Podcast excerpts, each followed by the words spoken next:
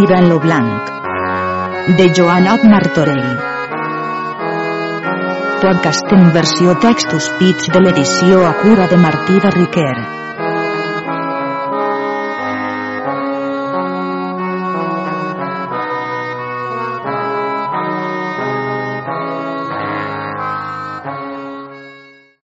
Episodi 3.7 Part tercera, tirant a l'imperi grec. Capítols del 159 al 163. Capítol 159. Com se feu la pau de dia febus ab tirant a la lletra d'Estefania. Pres home de qui diava i tramés l'on era dia febus, he aplegat que fon, dona-li la lletra ab mesclades recomanacions. Com dia febus aguellesta la lletra i veu que era de sa senyora, la contentació que ell li pres fon tanta que dir no es poria. He ap la lletra ensems anar a la cambra on tirant estava, e donar-li la lletra que llegís. Com la guella està, feu-se venir l'escudere demanar-li de l'emperador e de la virtuosa princesa, e ell recità tot lo que s'era seguit en lo camp, e com la senyora princesa anava armada i era entrada dins les tendes dels moros, e havia pres un negre per presoner, lo qual tenia en gran custòdia. Per mostrar-lo a vostra senyoria la primera volta que veure-us porà. Tirant pres gran plaer en les raons de l'escuder, e ordenà que dia febus anàs a veure a la majestat de l'emperador. Dia fe buscava el cap prestament. Confon en lo castell de Malvé i anar dret on era l'emperador. Prestament serix per tot lo castell com dia febus era vengut. Totes les donzelles se meteren en punt per anar-lo a veure, en especial Estefania, quina havia passada prou congoixa, que ho mostrava bé, car la sua cara no era tal com solia. Anaren totes a la cambra de l'emperador, e trobaren lo que estava recitant tota la batalla l'amor dels dos reis, e de les nafres que Tirant havia preses lo dia de la batalla. Com la princesa oi dir de les nafres de Tirant, la sua cara s'alterà molt de gran dolor que en tenia, és força l'ànimo tant com pogué, e dix.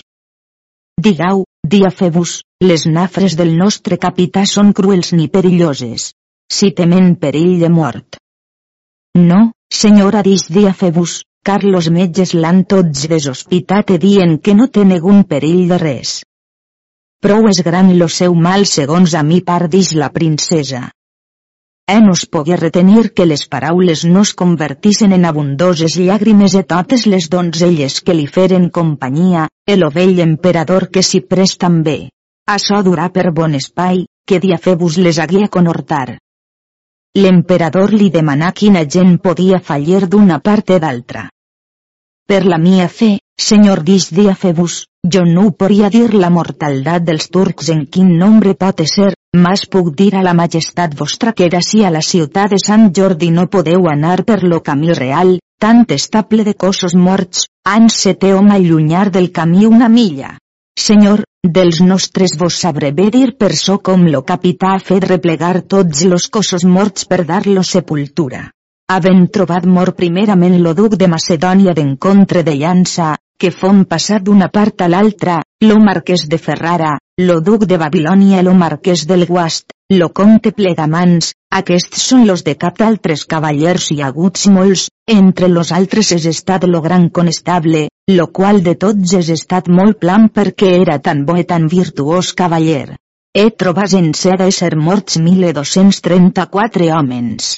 El capità los ha fet fer a tots molt honrades sepultures, per Veloduc de Macedònia no en fos mereixedor, car segons s'aferma per lo senyor d'Agramunte per Hipòlit que veren com ell li feu la nafra que té al coll lo nostre capità, com aquell sia molt benigne té tal virtut en si que ja més de la sua boca i si no gràcia i perdó, ella més fa menció per molt de mal que li facen de res que sia dan seu.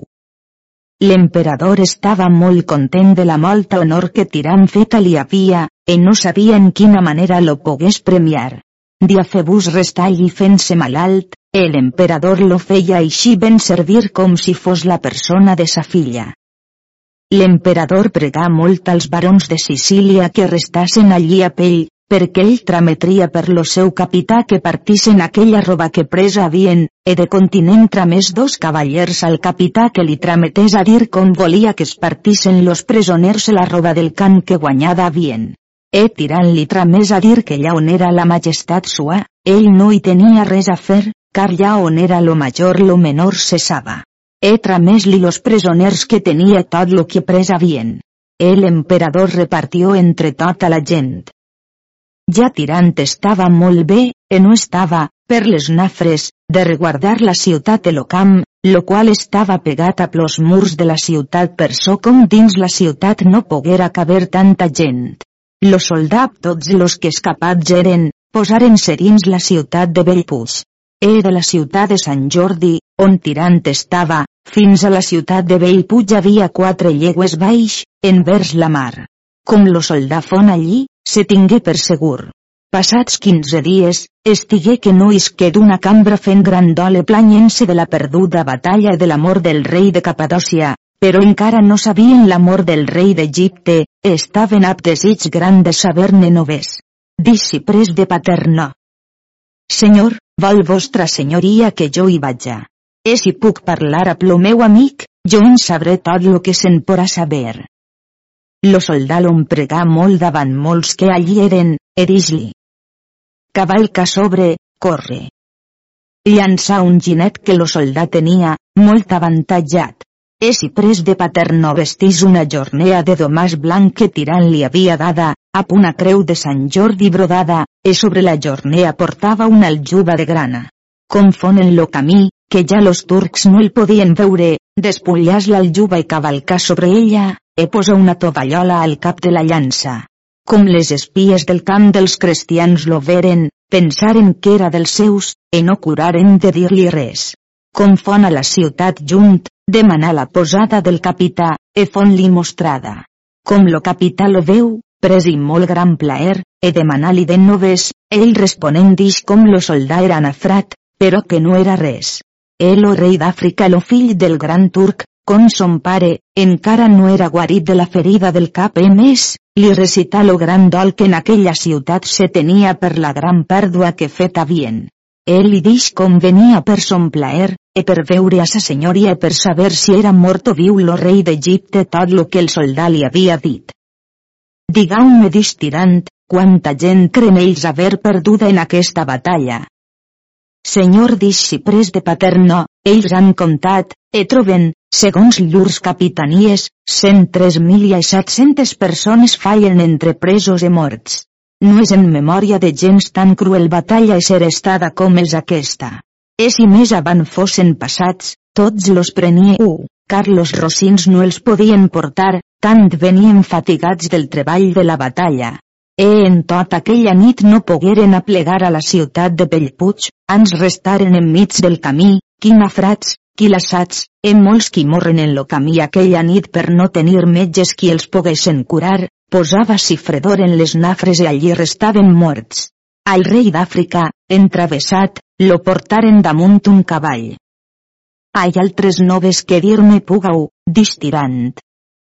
Sí, senyor discipres de Paterno, set naus són vengudes, molt grosses, de la Turquia, carregades de forment, de cibades i d'altres vitualles que porten.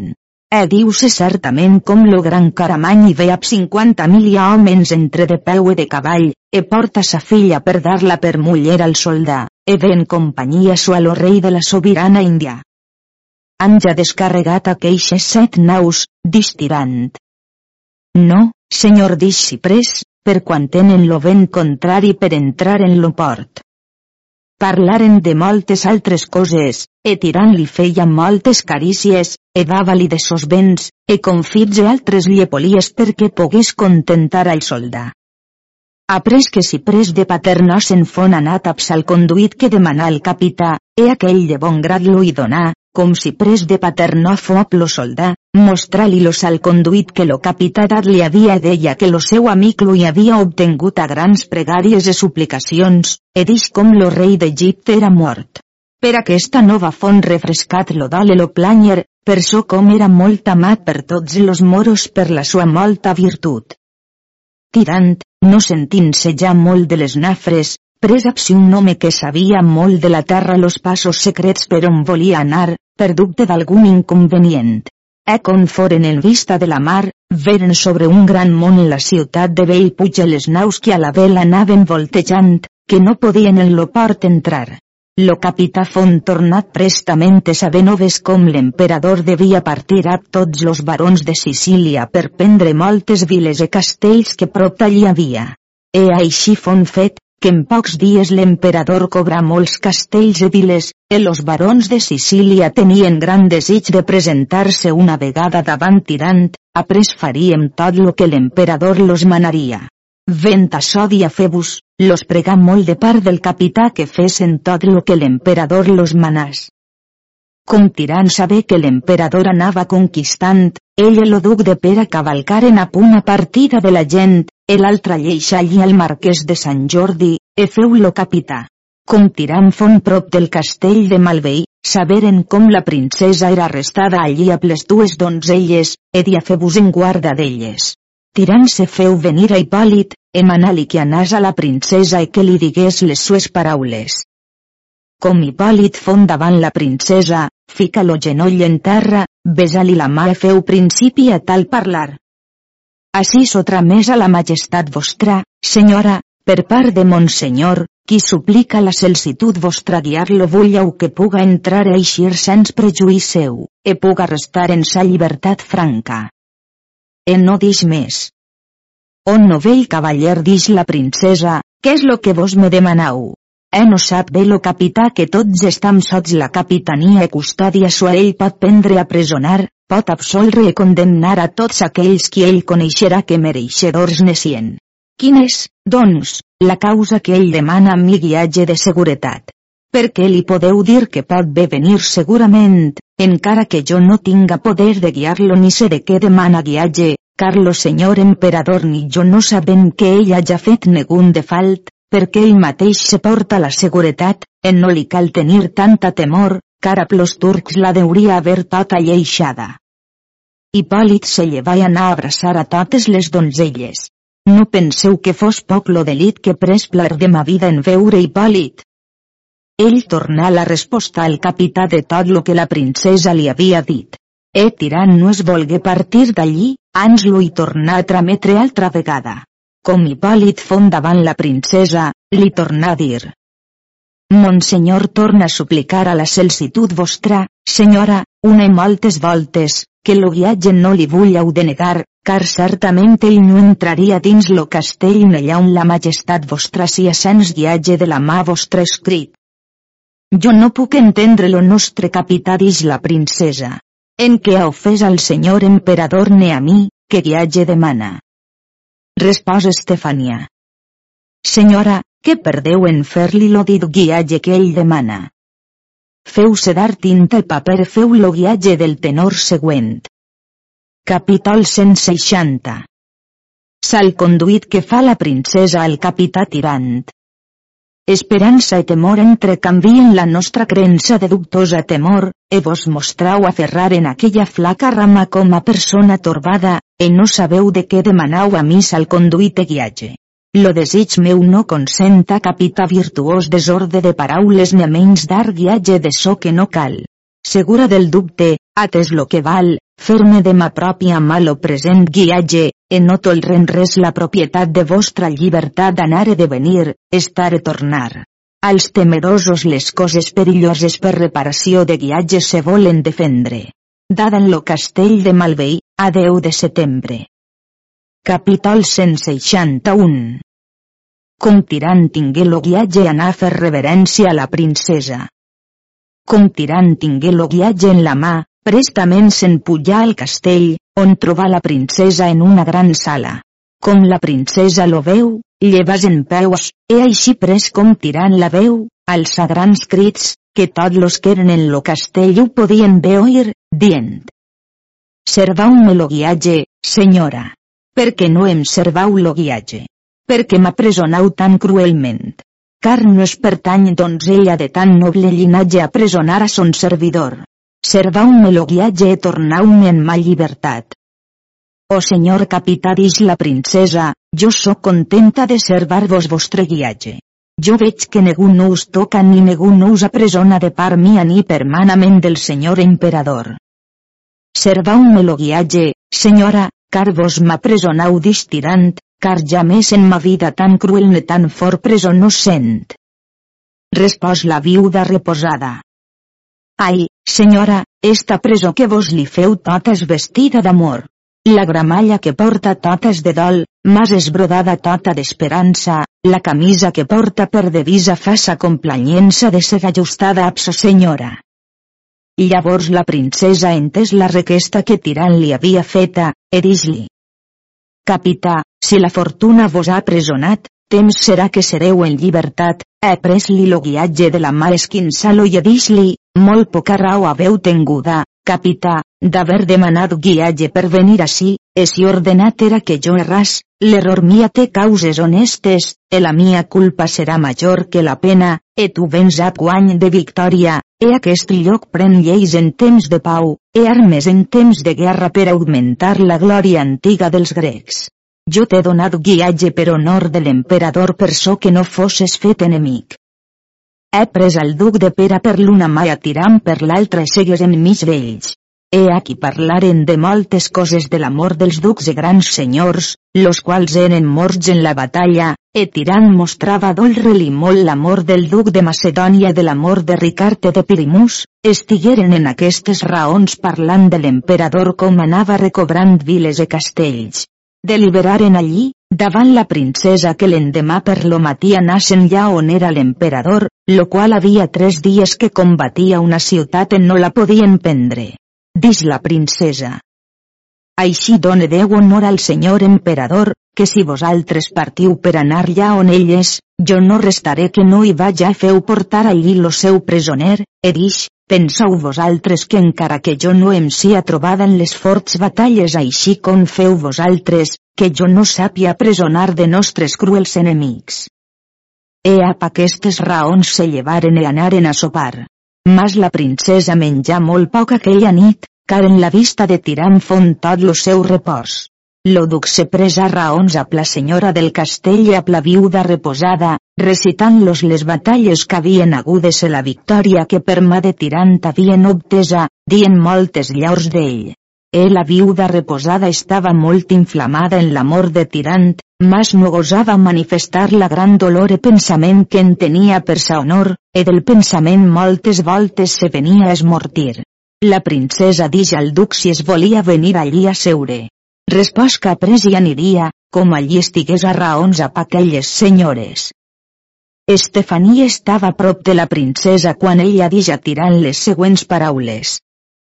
La pròspera fortuna manat a mi que vingués, no per delit que tingués de veure batalles, mas per desig de veure aquell qui senyoreja ma llibertat.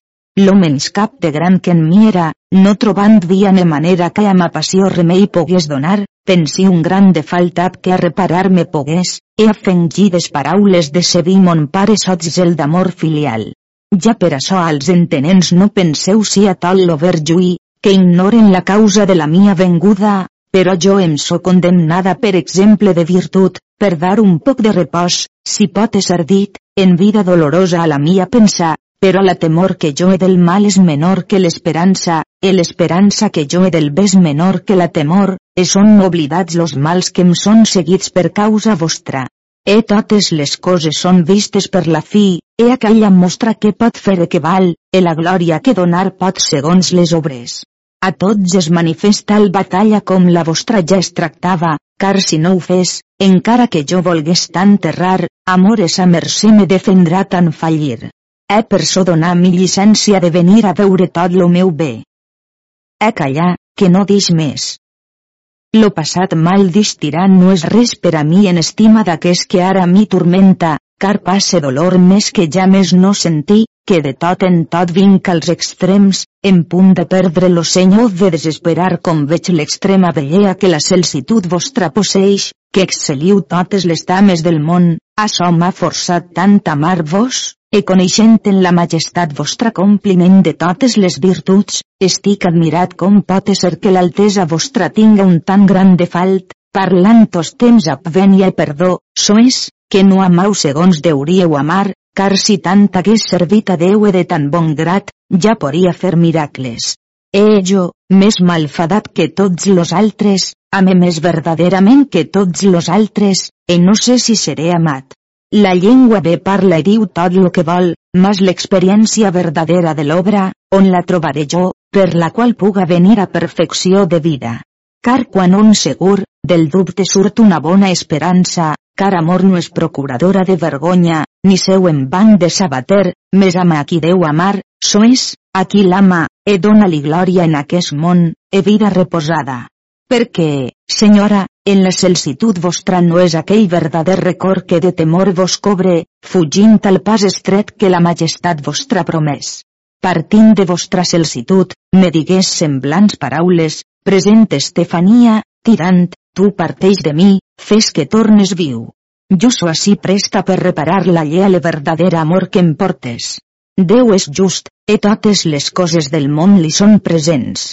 Ell me fa sa gràcia de complir lo meu desig, que jo compliré lo teu, perquè lletja cosa és, senyora, a les donzelles nobles e de tanta estima, que vinguen a menys de llur promesa, però, senyora, faça'm així, posem nostre fet en coneixença d'altri, e aquelles persones tinguen poder de determinar nostre fet, e lo que jo he parlat, parle per boca de la viuda reposada, qui em deixa la venguda que jo fiu que no donàs fe ni creença en les paraules de l'altesa vostra, que totes eren ficcions de poesia, e per apartar tots aquests dubtes, e que la celsitud vostra no sia l'esa en l'honor en ma opinió que sia conegut.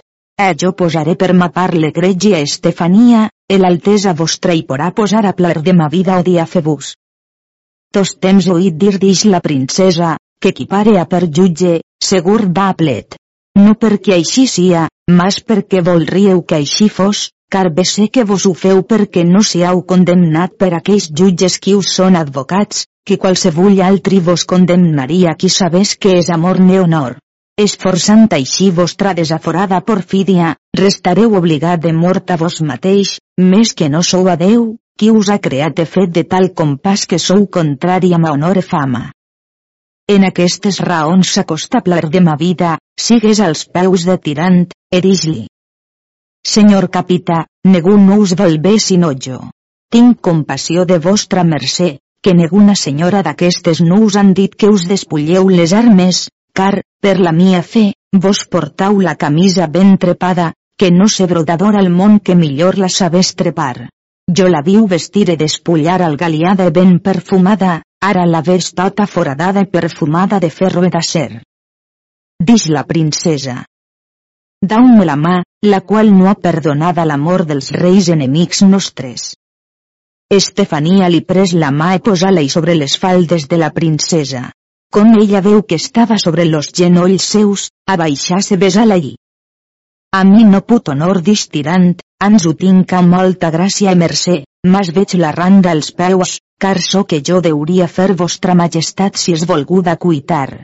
E si tal llicència l'altesa vostra me dava de besar-vos les mans tota hora que jo volgués, e com me tendria per benaventurat, e molt més a plos peus de les cames ensems. La princesa li tornà a prendre les mans i dix. Les tues mans, senyor capità, vull que d'ací avant tinguen privilegi sobre mi, en qui tens bon dret. Ell vas prestament d'allí per so com era passada gran part de la nit.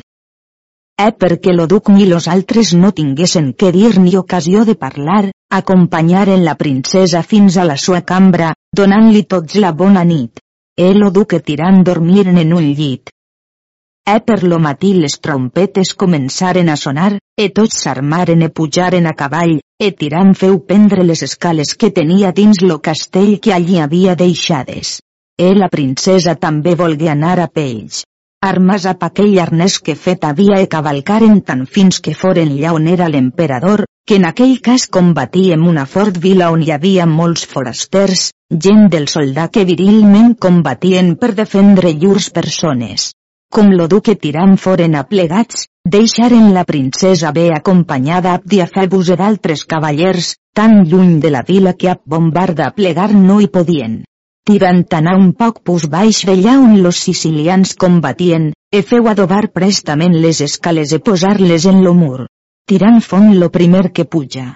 Com font prop de la muralla, un turc li llançà una gran cantera, e tirant, per desviar-se que no li donàs al cap, pres un poc de balanç, e la cantera donà en l'escala rompe-la un poc, e a plo balanç que ell pres l'escala caigué rossegant per la paret, i ella l'escala, però no es feu mal.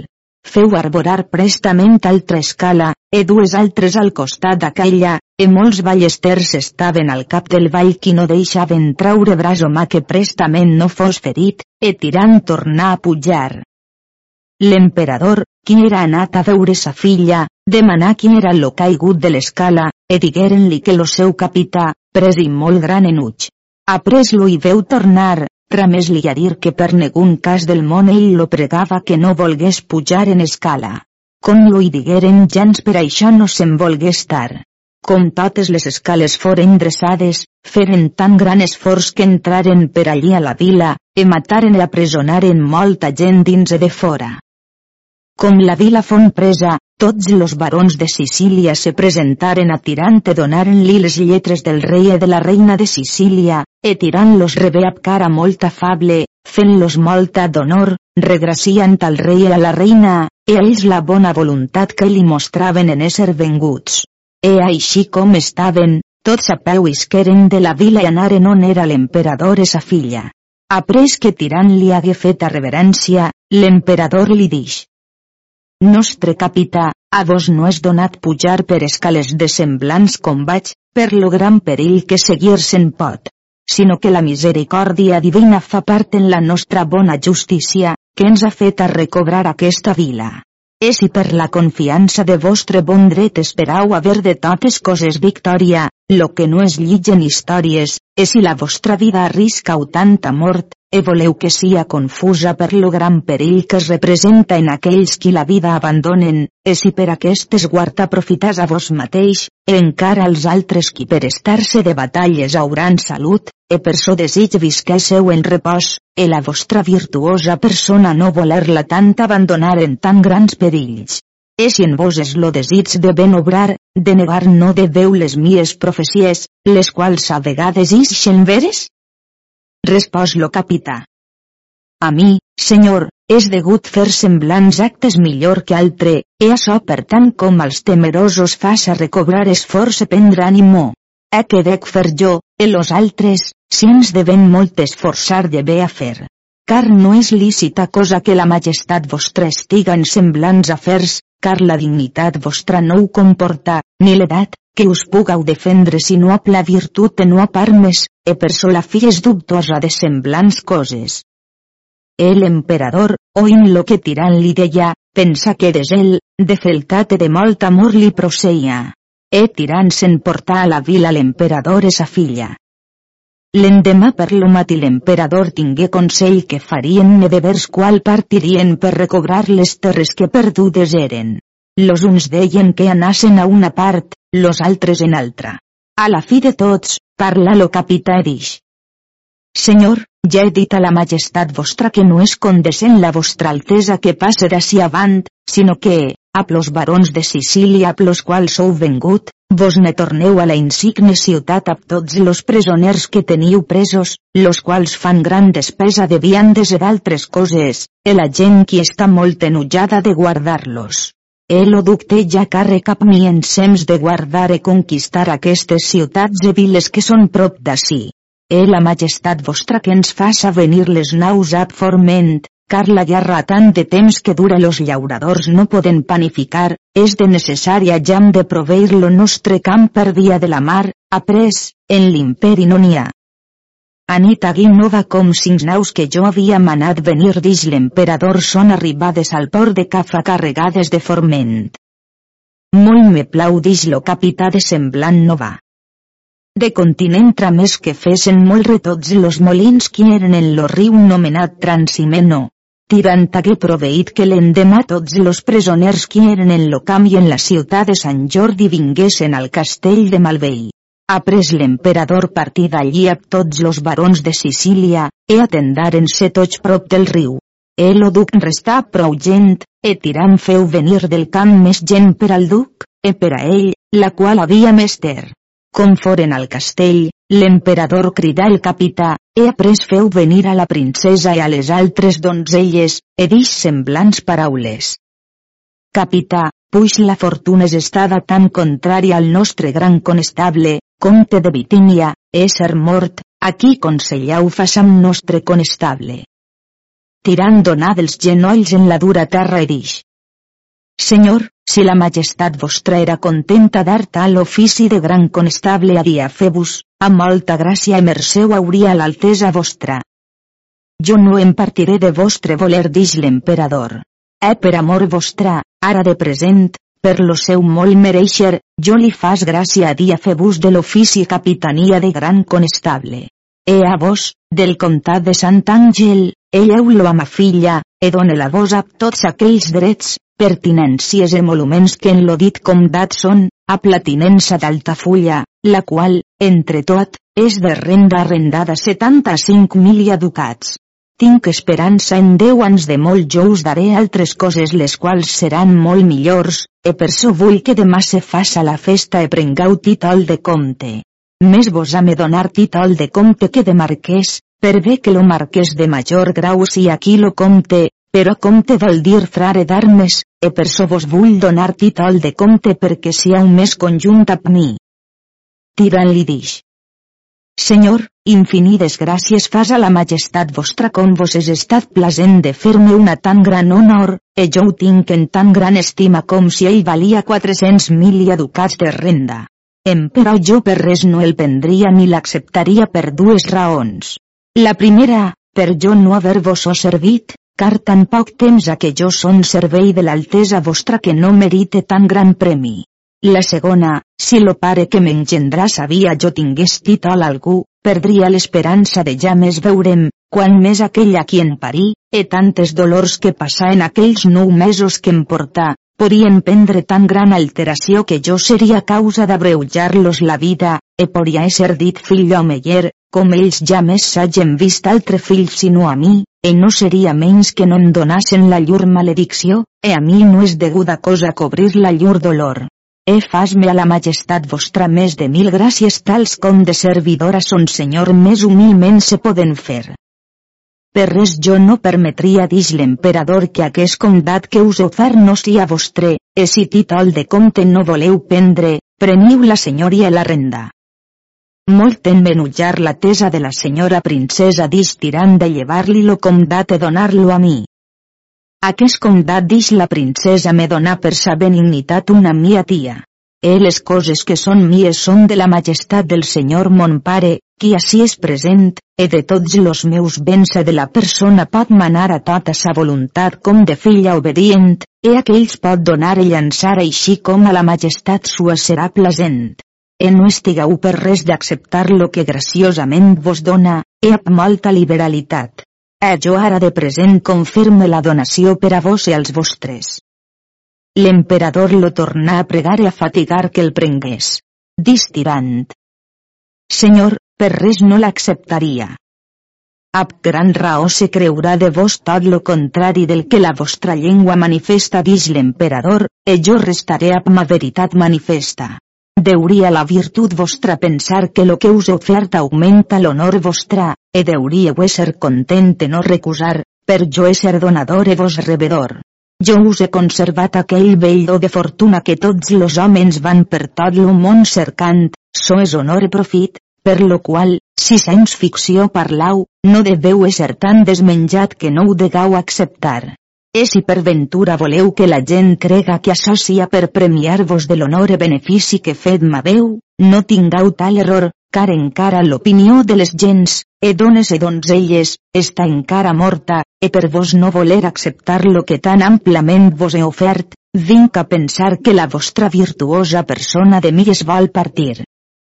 No placi a Déu dix tirant que jo em partís de la majestat vostra durant lo temps de la necessitat. Però, Senyor, puix tant me força la majestat vostra, jo acceptaré lo comdat, e per aquell vos faré homenatge de feltat. E per quan dia febus més parent tan acostat, eso que és seu és meu, e lo meu és seu, ell prendrà lo títol de comte. Què em fa a mi dix l'emperador, puix jo el vos haja dat e vos acceptat, que el venau o el doneu a qui us serà plasent. Llavors tirant se llançà als peus de l'emperador, e besar-li lo peu la mà per la gràcia que feta li havia. dix l'emperador. Demà aturarem ací i farem la festa dia Febus, e darem-li lo títol de comte l'ofici de gran conestable. Per so, senyor, suplica la majestat vostra demà si un nostre convidat a la senyora princesa i totes les dames. E de tot això dia Febus no sabia res. Lo capità se partí de l'emperador e dona orde a plo senyor de Malveí d'haver molts pagós, capons, perdius e gallines per a l'endemà, e feren coure molt pa, e haver totes les coses necessàries. E dia Febus, a altres cavallers que venien de fora del castell, veu a tirant que anava tot afaenat vers ell, e dis-li. Cosí, que és això que ap tanta pressa nau? Ai no va d'enemics. No dix tirant, mas anau a la cambra de l'emperador, e besau-li lo pegue la mà per so com vos ha donat lo comdat de Sant Àngel l'ofici de gran conestable. E jo faré així adobar les coses que són necessàries per a la festa de demà. Eri a fer-vos ho feu així. He après anar a la cambra on era Estefania a les altres dames, e cascuna li demanava un ofici per al comdat o per a la guerra, burlant-se així a pell isque la princesa, i ell fon prest agenollat e besar-li la mà, de la gràcia que lo senyor emperador feta li havia. E la princesa li donà en un mocador deu mil ducats que havia mesos, e dis-li.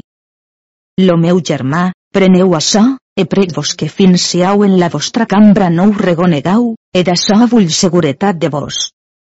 E ell li donà la fe que faria tot lo que trobaria per escrit. Diafebus ho prese sentia lo pes, mas no presumia lo que era. Partís d'allí e anasen on era tirante dis-li. Puix jo he besat lo pegue la mà al senyor emperador, e la mà l'excelsa princesa, ben par que sia raó, puix vos m'haveu dat lo com dat haveu lo llevat a vos per dar-lo a mi. Agenollàs prestament en terra, e pres-li la mà per voler-la i besar, però tirant ja més ho volgué consentir, mas posar-li la mà sobre lo cap, e besar en la boca tres vegades. E los dos passaren moltes raons, dient-li tirant que no curàs, que allò era molt poc en esguard del que ell desitjava fer per ell. Mas jo tinc esperança en Déu que per avant jo us daré altres coses que seran de major estima. Eri a fer-vos l'infeu infinides gràcies. Ara, senyor capità, voleu que vejam què és lo que m'ha dat la virtuosa senyora. Posau en mans de tirant, e trobar-n'hi un albaranet que deia, el meu germà gran conestable e comte de Sant Àngel, prec amb molt amor prenga en paciència lo petit do per a fer la festa. En mi resta lo gran menys capte per lo poc que us do, però la vostra molta virtut me tendrà per excusada considerant en lo lloc on so, e confés lo meu de falquer com és en dar tan poca quantitat a un home que és gran en virtuts.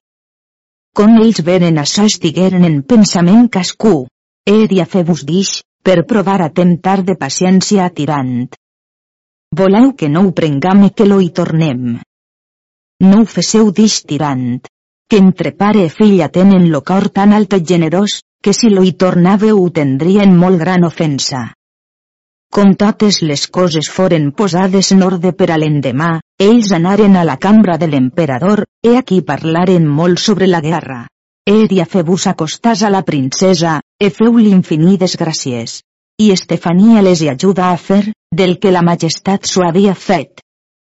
L'emperador davalla baix envers lo riu, on veu allí molts homes que estaven adobant taules i bancs. L'emperador demanà lo que feien a què tenia de servir. Dix-lo senyor de Malveí que per al convite a la festa que l'endemà se devia fer. E Tiram portava de braç a la princesa anant-se'n per la vora del riu passejant. Dix la princesa. Digau, tirant, quina és la raó que vos acceptar no haveu volgut lo comdat meu, que el senyor emperador, a requesta mia, vos dava.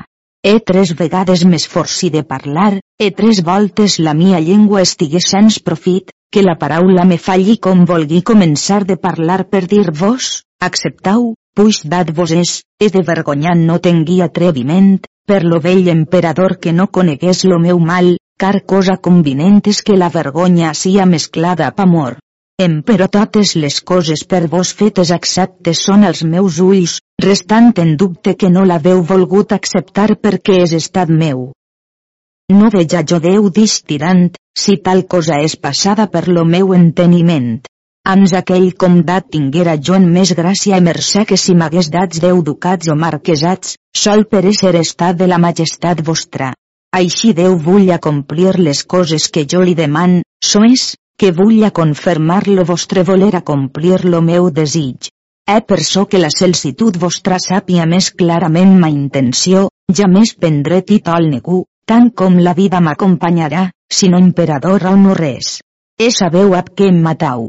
Ab l'extrema bellea que l'altesa vostra posseeix. Car aquell primer dia que us viu, vestida a brial de setí negre, elos vostres pits donaren als meus ulls entrada, a los cabells un poc escampats que semblants a madeixes d'or resplendien, e la color de la vostra cara paria, de vergonya, roses a iris mesclades, que d'aquell dia en la mi ànima és estada cativa de vostra altesa. Oh, ves cosa cruel voler dar pena a qui tant vos ama. Encara me dol de vos, que no poreu soferir les penes que sou mereixedora per haver tan poca pietat de mi, com la mia que d'ella sia justa e bona, el meu clam crida contínuament davant la majestat divina, justícia. E vos en aquell cas direu, en mal punt com jo no a mi aquell verdader tirant, lo qual ab tanta d'amor m'amava, és i suplicacions de vassalla senyora i poden valer, o oh de cavallera donzella de tanta noblea e dignitat se consenta adorar, a genoll me enterra e faci lo senyal de la creu, e aquella adora així com a la vostra persona, que per part de la celsitud vostra me sia atorgat un do. E quasi li vengueren los ulls en aigua, prenent-li pietat de si mateix. No tardà molt la princesa a respondre en estil de semblants paraules. Capítol 162 La resposta que feu la princesa a Tirant. Les llàgrimes són escampades a vegades a prao, a vegades a pengant. E la tua demanda és molt greu i amarga per a mi, car tu demanes cosa que no es pot ni es deu raonablement fer, car de mal principi no se'n pot seguir bona fi, si pensaves la tua honor i la mia, em volies lo bé que em dius, no treballaries en tanta infàmia per a tu e vergonya per a mi. Perquè tan preste cuites, que les tues meses encara són herba. E gran follia seria posar a la fortuna lo que no et pot fallir. L'emperador s'acostà a sa filla i ella no pogué més parlar. E posar-la en raons, e parlant de moltes coses se'n tornaren al castell. L'endemà per lo matí l'emperador volgué diguessin la missa enmig d'una gran praderia, e volgué que dia Febus estigués enmig d'ella de sa filla. He dit a la missa, l'emperador li posa l'anell en la mà el en la boca. Après, tots los trompetes començaren a sonar molt forment, e un rei d'armes dixen al cridant, aquest és lo molt egreig i virtuós cavaller comte de Sant Àngel gran conestable de l'imperi grec. He fet això, Començaren les danses e festes, e la princesa tot aquell dia no feu sinó dansar a plo gran conestable. Com fon hora de dinar, l'emperador feu seure al gran conestable a la part dreta, e los ducs seien a la part sinestra, e la princesa en dret del conestable. E tirant servia de majordom per so com ell feia la festa. En altres taules menjaven les donzelles, en dret d'elles menjaven los barons e cavallers. Après, tota la gent d'armés. E tots quants presoners hi havia, tots menjaven aquell dia en taules perquè honrassen la festa. Fins als rocins volgué tirant que en aquella hora tots menjassen cibada mesclada pa. Com foren mig dinats, tirant pres los reis d'armes, era utze por sabans, e donar els mil ducats en reals. E totes les trompetes anaven sonant, e vengueren davant la taula de l'emperador e cridaven. Llarguesa, llarguesa. Après lo dinar, fon feta la col·lació de molts confits de sucre. E cavalcaren tots armats amb les banderes del conestable, corrent llances davant l'emperador. Feren un vell fet d'armes sense fer-se mal. E així anaren fins al camp on solia estar lo soldà, e amb molt gran alegria se'n tornaren. Com los paregué hora de sopar, en aquell lloc mateix feren la festa, la qual fon molt singular, e foren tots molt ben servits de moltes e diverses viandes. Tirant tot aquell sopar, així com servia, estava a placara molt trista. La princesa lo feu acostar prop d'ella i dis-li a l'orella. Digau-me, Tirant, quina és la pena i mal que passau, que la vostra cara ho manifesta, que tota la tinc jo sobre los meus ulls. Digau-m'ho, jo us clam mercè. Senyora, tant són los mals que comport, que no es podien estimar, ni dona res en ma vida, car la celsitud vostra partirà demà, e jo, desaventurat, restaré en la mia extrema pena pensant que no us veure. Qui fa lo maldix la princesa raó és que passe la pena.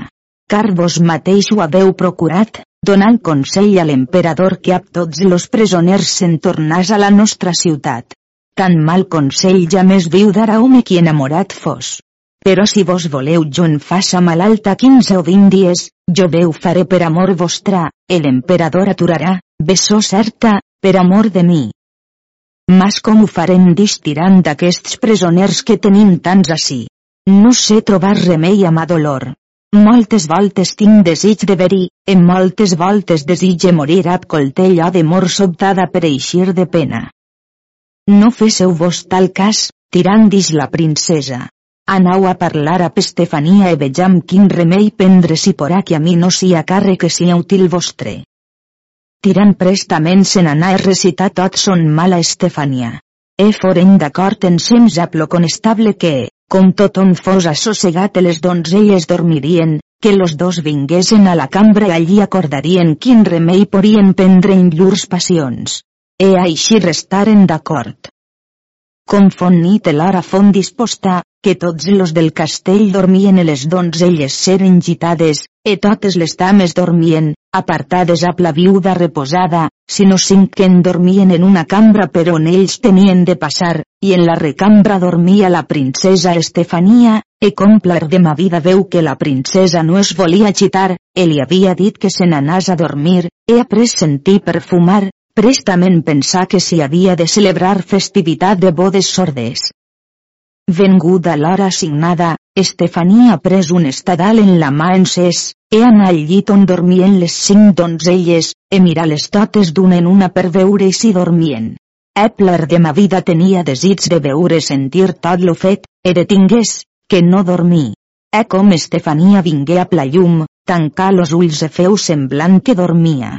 Vist per Estefania que totes dormien, obri la porta sense fer remor, perquè ningú no ho sentís, ella trobà a la porta los cavallers que estaven esperant amb més devoció que no fan los jueus al Messies.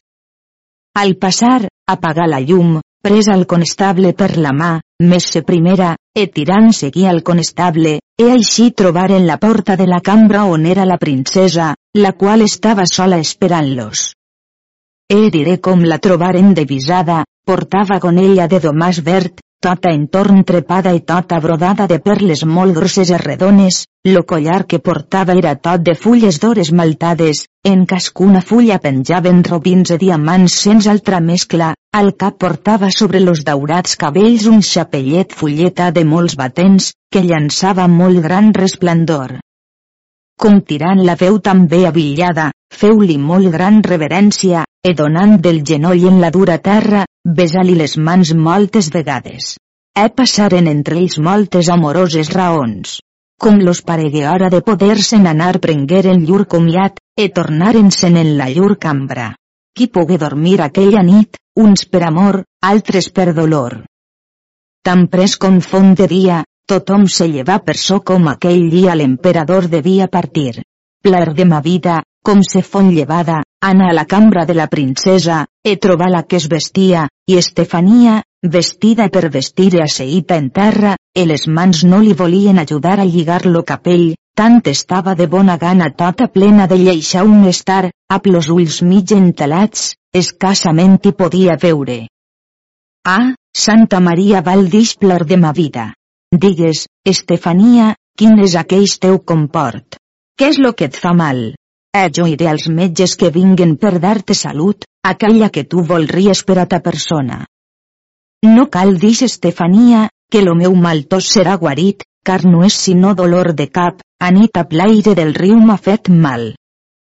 Guarda displer de ma vida que dius, que gran dubte serà que no muires. E si mors, la tua mort serà criminosa. Guarda bé que no et facen mal los talons, com jo he oït dir als metges que a nosaltres, dones, la primera dolor nos ven les ungles, après als peus, puja als genolls i a les cuixes, e a vegades entra en lo secret, e a qui dona gran turmente d'aquí se'n puja al cap, torba lo cervell, e d'aquí s'engendra lo mal de caure. E aquesta malaltia no et penses que vinga sovint, segons diu lo gran filòsof Galien, metge molt subtil, que no ve sinó una vegada en vida, e per bé que sia mal incurable, no és mortal, mas hi molts remeis qui ajudar-se en vol aquesta mi epístola és bona verdadera, e per so no deus haver admiració de mi si conec les malalties, que si em mostres la llengua jo et sabré dir lo mal que tens. Estefania li tragué la llengua.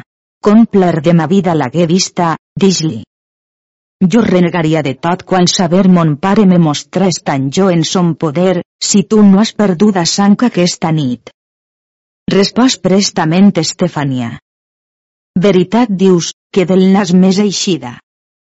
Jo no sé si és del nas o del taló displer de ma vida, mas sanca veu perduda, e per so poreu ara dar fe de mi e de la mia ciència, que lo que jo diré serà veritat? És si la majestat vostra, senyora, Volrà que jo us recite un somni que he fet esta nit, jo seré contenta, a protestació que si diré alguna cosa que agreuge l'altesa vostra, que lo perdono em sia denegat. La princesa havia pres molt gran plaer en lo que plaer de ma vida havia dit, e amb grans rialles li dix que digués tot lo que volgués, que ella li perdonava pena i a culpa a autoritat apostòlica. Epler de ma vida feu principi al seu somni en estil de semblants paraules. Capítol 163 Lo somni que pler de ma vida feu. A la majestat vostra diré tot lo que he somiat. Com jo dormia en una cambra de parament en companyia de quatre donzelles, e que Estefania venia a punt estadal encès, per no portar molta llum, e venia al vostre llit e mirava si dormíem, e veu-nos totes dormir, jo estava alienada que no sé si dormia o si ballava, e viu en somni com Estefania obri la porta de la cambra molt suaument perquè no fes remor, e troba Monsenyor tirant lo conestable que ja estaven esperant. E venien en gipons, amb mantos i espases, e calçaven peucs de llana perquè no fessin remor al passejar, e al entrar que ells feren, ella apagà la llum e posàs primera, lo conestable a la sua mà, après venia lo virtuós, i ella semblava en aquell cas mosso de segó, e posals dins la vostra cambra. E vostra altesa estava ben perfumada i algaliada, e no mal avillada, vestida e no despullada tirant vos tenia en los seus braços e portava-us per la cambra besant molt sovint, e vostra altesa que deia, deixam, tirant, deixam. E ell vos posava sobre el llit de repòs e pler de ma vida s'acostà al llit, e dix, ai, en glité qui us ha vist e qui us veu ara, que estàu sol, desacompanyat, sens profit negu on és aquell qui així estava com jo somiava, apareguent del llit llevar-me en camisa, e vengui en aquell forat de la porta, e que mirava tot vostre fet. Dix la princesa. Has més somiat. Ap moltes rialles e ap gran plaer que lo ideia. Sí, Santa Maria displer de ma vida. Jo us ho acabaré tot de recitar. Vos, senyora, preníeu unes hores e dèieu, tirant, jo t'he lleixat venir ací per dar-te un poc de repòs, per la gran amor que té, e tirant dubtava de fer lo que l'altesa vostra li deia. E vos dèieu, si tu ames a mi, per res no deus estar d'assegurar-me dels dubtes esdevenidors. E aquest càrrec que jo he pres per amor de tu no és convinent a donzella de tan gran autoritat com jo so. No em denegues lo que et deman, car la mia castedat, en la qual jo he viscut, quitia de tot crim, és lloadora, mas per precs d'Estefania has obtesa aquesta amorosa gràcia, deixant-me cremada per digne amor. Perquè et prec te vulles contentar de la gràcia que has aconseguida en gran càrrec que culpa d'Estefania, per l'extrema i desaforada congoixa, deia tirant, que veig passar a la majestat vostra, que preneu armes contra vos, qui us ofenen, en sereu condemnada per tots aquells qui d'amor senten. Però, ab tot, no vull que desconfieu que jo fallís amb a veritat? E ab gran confiança creia vos acordaríeu a mon voler no temen los esdevenidors perills. Puix a vostra altesa no plau em voleu tan fatigar, jo sóc content de fer tot lo que a la majestat vostra serà plasent, calla, tirant, deia l'altesa vostra, e no et congoixes de res, car la mia noblea ja us sots la tua amor, e li feieu fer sagrament que sens voler vostre no us enutjaria de res, he posat cas que ho volguesses cometre no seria poc lo dane congoixa que tu em daries, e seria tanta que en tots los dies de ma vida de tu me lamentaria, car com la virginitat és perduda no és reparable, e totes aquestes coses e somiades que vos a ell i ella vos deieu. Après en visió viu com ell vos besava molt sovint desfeu-vos la clotxeta dels pits que us besava gran pressa les mamelles. E com vos hagué ben besada, volíeus posar posar la mà davall la falda per cercar-vos les pusses. E vos, la mia bona senyora, no ho volíeu consentir, car dubte em fa que si ho haguésseu consentit, que lo sagrament no perillàs. E vostra altesa li deia, temps vendrà que lo que tan desitges estarà en llibertat tua, e la mia virginitat conservada serà per a tu, après posar la sua cara sobre la vostra, e tenint los braços sobre lo vostre coll, e los vostres en lo seu lligats com les sarments en los arbres, prenia de vos amorosos besars. Après viu somiant que Estefania estava sobre aquell llit a ples cames que al parer meu li veia blanquejar, e deia sovint, ai, senyor, que mal me feu doleu-vos un poc de mi no em vulleu del tot matar, e tirant que li deia, germana Estefania, perquè voleu incriminar la vostra honor amb tants grans crits. No sabeu que moltes voltes les parets tenen orelles, e ella prenia lo llençol i posava-los a la boca, e a ples dents estrenyia el for per no cridar. E no es pogué estar, après un poc espai, que no donàs un crit, trista, què faré? Dolor me força de cridar, e segons veig, deliberat teniu de matar-me, llavors lo constable li tanca la boca. E la mi ànima com sentia aquell saborós plant, com planyíem de ma desaventura com jo no era la tercera a plo meu hipòlit. Encara que jo sia grossera en amar, conegué lo meu esperit que lo terme d'amor aquí devia finir. La mia ànima hagué alguns sentiments d'amor que ignorava, e doblam la passió del meu Hipòlit com no prenia part dels besars així com tirant de la princesa, e lo conestable d'Estefania. E con més hi pensava més dolor sentia, e pareguent que prengui un poc d'aigua que em llavi lo cor, los pits e lo ventre per remellar la dolor mia. E mirant lo meu esperit per lo forat, après un poc instant Estefania estés los seus braços abandonant-se retén les armes, però dix, vesten, cruelà poc amor, que no has pietat ni misericòrdia de les donzelles fins que els has violat a la castedat. O sens fe. De quina pena seràs digne si jo no et vull perdonar. E complanyent-me de tu, més fort ame. On és la fe, per tu a mi rompuda? On és la tua mà dreta ajustada a la mia? On són los sants qui facen testimoni, los quals ahir per la tua falsa boca foren nomenats, que em prometis que no em faries mal ni per tu no seria decebuda. Gran ardiment has fet, que a pensa deliberada hages volguda robar la despulla de la mia virginitat, per tu ésser home de tan gran autoritat, e perquè la querella mia més verdaderament sia coneguda, crida la princesa i atirant-te mostrals la camisa e dix, aquesta sang mia a força de reparar amor, e tot això deia amb les llàgrimes als ulls. Après dix, qui haurà grat de mi, ni qui fiarà de mi, que no he sabuda guardar a mi mateixa. Com serà per mi guardada altra donzella que comanada em sia? No tinc honor sinó d'una cosa, que no he res fet que perjudique l'honor de mon marit, sinó que he complida sa voluntat a malgrat meu.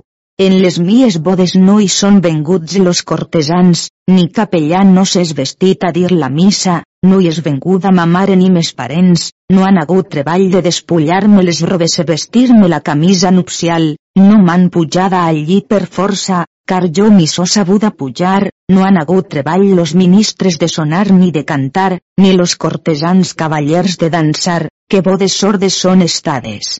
Em però tot lo que he fet resta en gra de mon marit, d'estes coses deia Estefania moltes. Après de tot això, que lo jorn s'acostava, la majestat vostra e tirant la conortàveu lo millor que podíeu.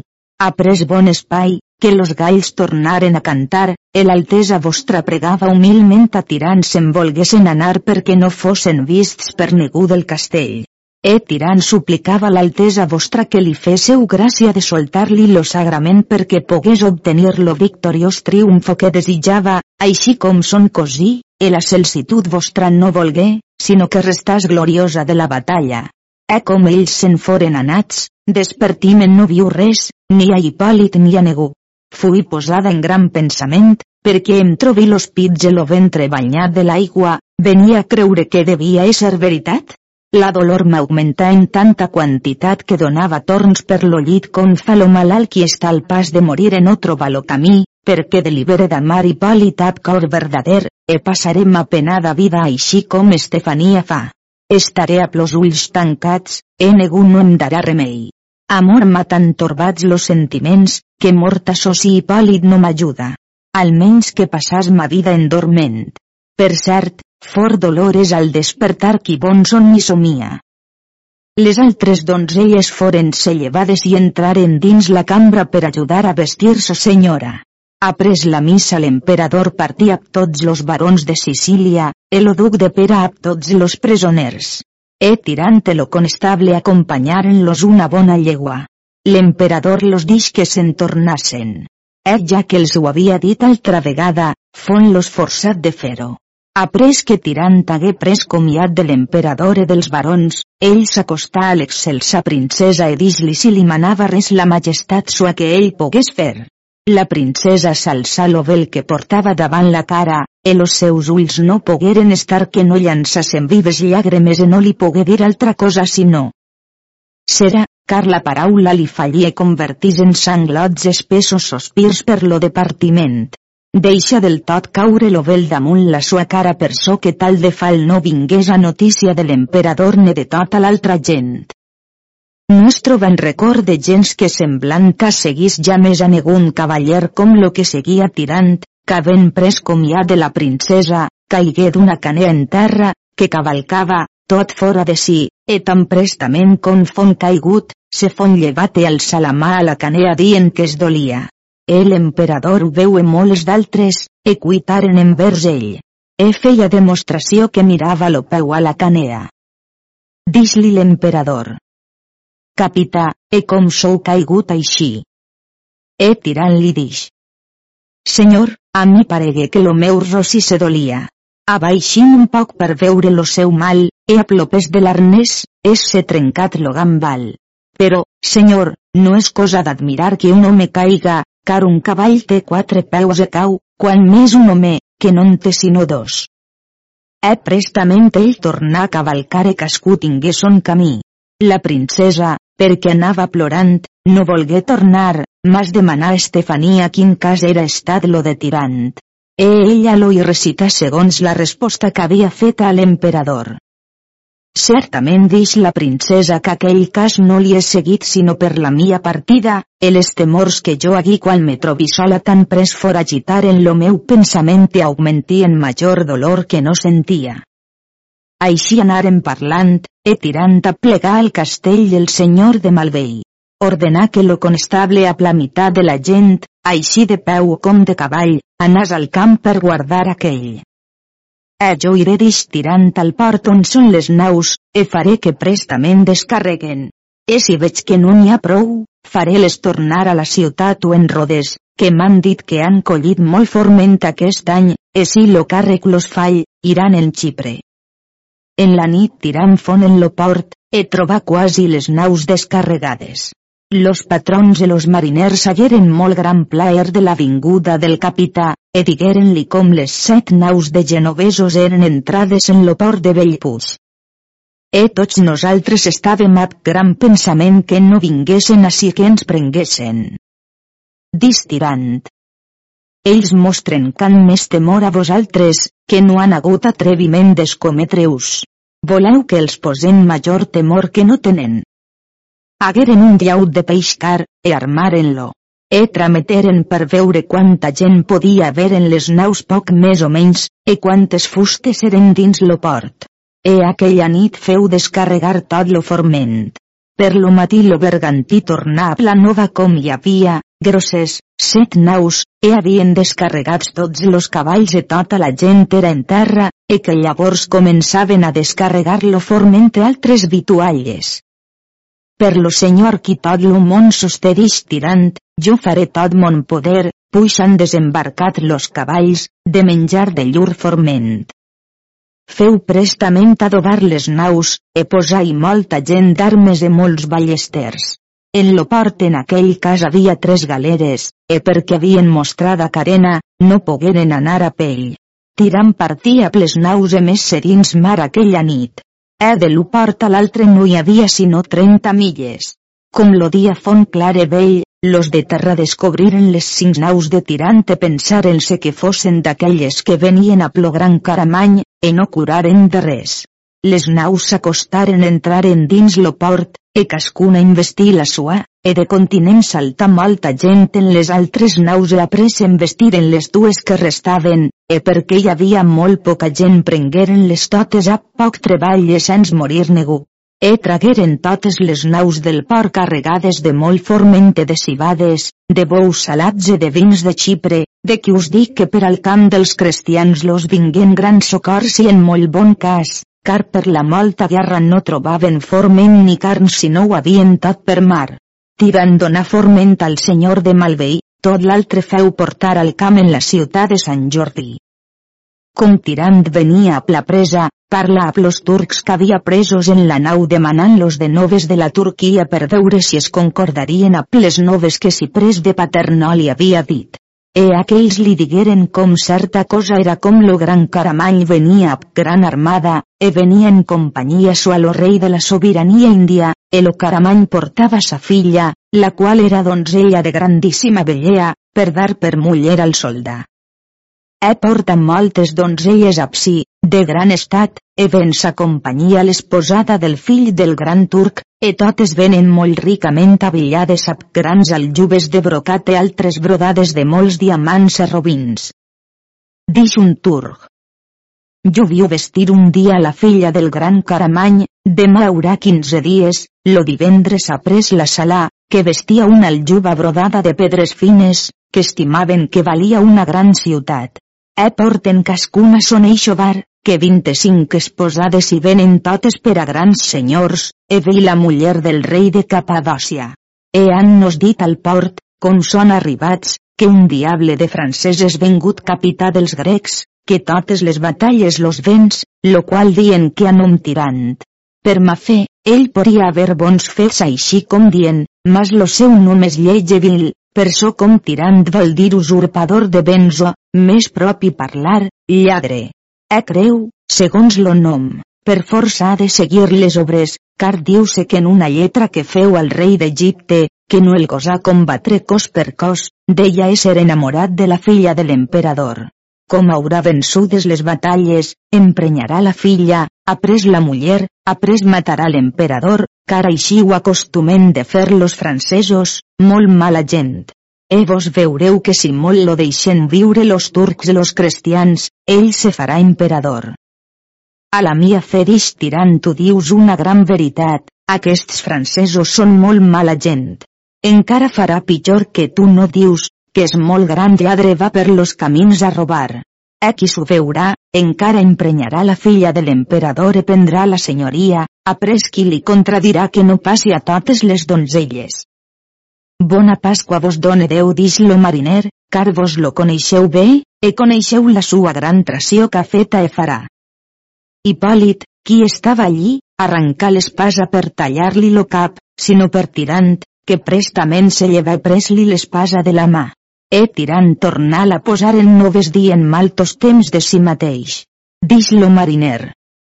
Jo jur, per l'aigua que jo en bategí, que si jo el podia prendre, aquell traïdor de tirant, així com moltes vegades n'he pres d'altres, que jo el penjaria en la més alta entena de tota la nau.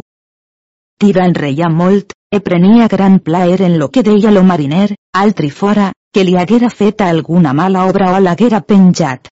He tirant pres un gipó de seda i trenta ducats, e donals-hi, he après lo posar en llibertat tan pres com fon en terra.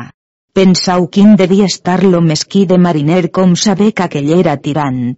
agenollars als seus peus, e demanar-li perdó. E tirant de molt bona voluntat li perdonarix. Donar als mals perquè diguen bé, donar als bons perquè no diguen mal.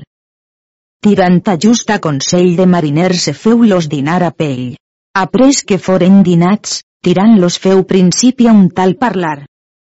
Senyors, ja sabeu la nova que es diu del gran caramanye del rei de la sobirana Índia, ab quin poder tan gran venen, e porten tantes donzelles, casades i per casar, o que encara hi apliquen lo bací que porten, sois a saber, com los moros fan guerra als cristians, va lo bací, que acapten per totes les moreries, e segons me dix Ciprés de Paterno, que havia oït dir al soldà, que passats 300.000 ducats portaven, car per prendre aquest imperi tota l'amorisme ha donat qui poc qui molt, que casa hi havia qui pagava 40 ducats. Eh volen dir que del regne de Tunis han hagut més de 70.000 ducats. Perquè deveu pensar quanta glòria seria a tots nosaltres el profit gran que cascú de vosaltres reportaria u. Vegeu si fer-se poria poguessin obtenir victòria d'ells. E cascú de vosaltres diga i son parer.